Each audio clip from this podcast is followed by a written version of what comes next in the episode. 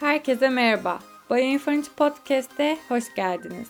Bioinformati Podcast kapsamında TET AYT Biyoloji Podcast serimizde TET ve AYT sınavlarını hazırlanan öğrencilere pratik bir şekilde sınavda biyoloji sorularını cevaplamaları için gerekli olan bilgileri hatırlatıcı nitelikte olan ve MEB'in lise müfredatı biyoloji dersinin konularının flash kart içeriklerinden oluşan bu podcast bölümlerini sizler için hazırladık.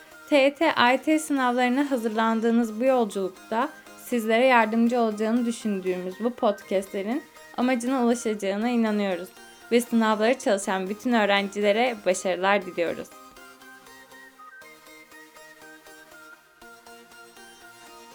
Herkese tekrar merhaba.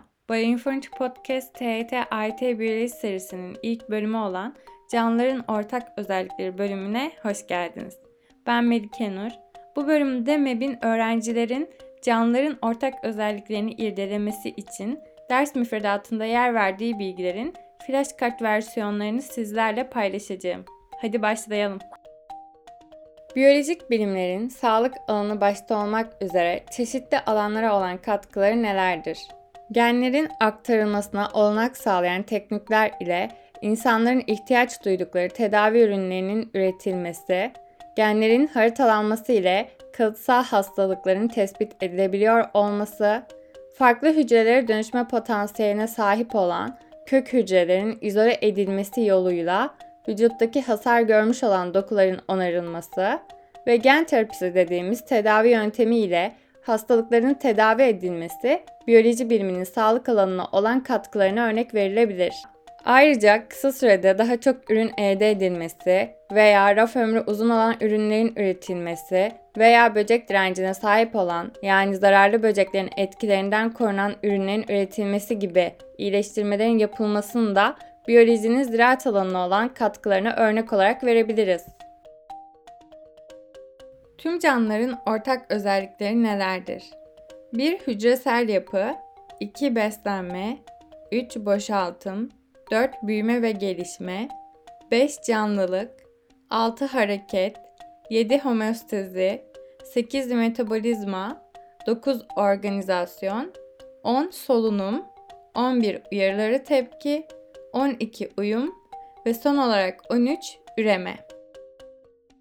Bu özelliklerin bazılarında öne çıkan birkaç terim mevcut. Şimdi de biraz onlardan bahsedelim.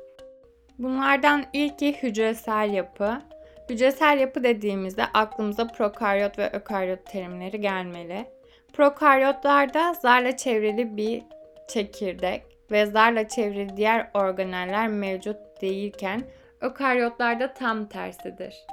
Buradan da anlaşılacağı üzere genetik materyal prokaryotlarda sitoplazma içerisinde dağınık bulunuyorken Ökaryotlarda zarla çevrili çekirdeğin içinde paketlenmiş halde bulunur. Bir diğer özelliğimiz olan beslenmede ise hatırlamamız gereken terimler ototrof, heterotrof, hem ototrof hem heterotrof terimleridir. Ototrof beslenen canlılar besinlerini kendi kendilerine üretip enerji ihtiyaçlarını kendi kendilerine karşılıyorlar. Heterotrof olan canlılar ise besinlerini dışarıdan temin ederek enerji ihtiyaçlarını da başka bir canlının enerjisinden karşılamış oluyorlar. Hem ototrof hem heterotrof olan canlılarda ise bu iki durumda gözlemlenebiliyor. Bir diğer özelliğimiz olan harekette ise hatırlamamız gereken terimler aktif hareket ve pasif harekettir.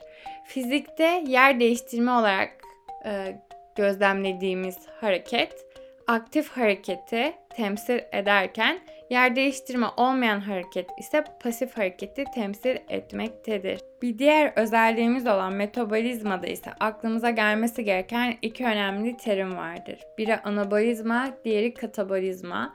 Anabolizmada sentez yani yapım, özümleme faaliyetleri önemliyken katabolizmada ise yıkım faaliyetleri öne çıkmaktadır. Organizasyon özelliğinde ise atomdan organizmaya, türden de biyosfere olan hiyerarşik sıralama ve bu hiyerarşik sıralamada yer alan terimler önemlidir. Solunumda ise oksijenli solunum ve oksijensiz solunum terimleri öne çıkmaktadır. Uyumda adaptasyon terimi öne çıkmaktadır. Üremede ise eşeyli ve rejeneratif tomurcuklanarak sporla veya vejetatif üremenin gözlemlendiği eşeysiz üreme terimleri ve bu üremelerde büyük rol oynayan mayoz ve mitoz bölünme terimleri öne çıkmaktadır. Tüm canlı hücrelerde ortak olarak bulunan yapılar nelerdir? 1. Hücre zarı 2. Sitoplazma 3. Ribozom 4. Genetik materyal ve 5. Enzimler. Şimdi de bunların bizler için neler ifade ettiğine kısaca bir göz atalım. Madde alışverişleri ve hücrenin bütünlüğü açısından hücre zarı önemliyken sitoplazma organelleri içermesi ve hücrede gerçekleşen metabolik faaliyetlerinin çoğunun da burada gerçekleşmesi yönüyle önem arz etmektedir. Ayrıca her canlı devamlılık için proteine ihtiyaç duyar. Proteinler organizmanın devamlılığı için gerekli olan faaliyetleri gerçekleştiren işçilerdir diyebiliriz.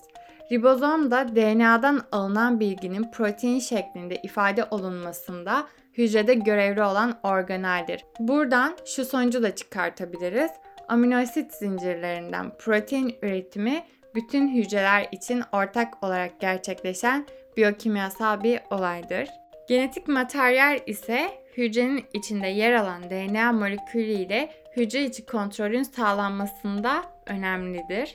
Ve enzimler. Enzimler hücrenin içerisinde gerçekleşen metabolik faaliyetler için gereklidir. Bu metabolik faaliyetlerde enzimlere ihtiyaç duyulmaktadır.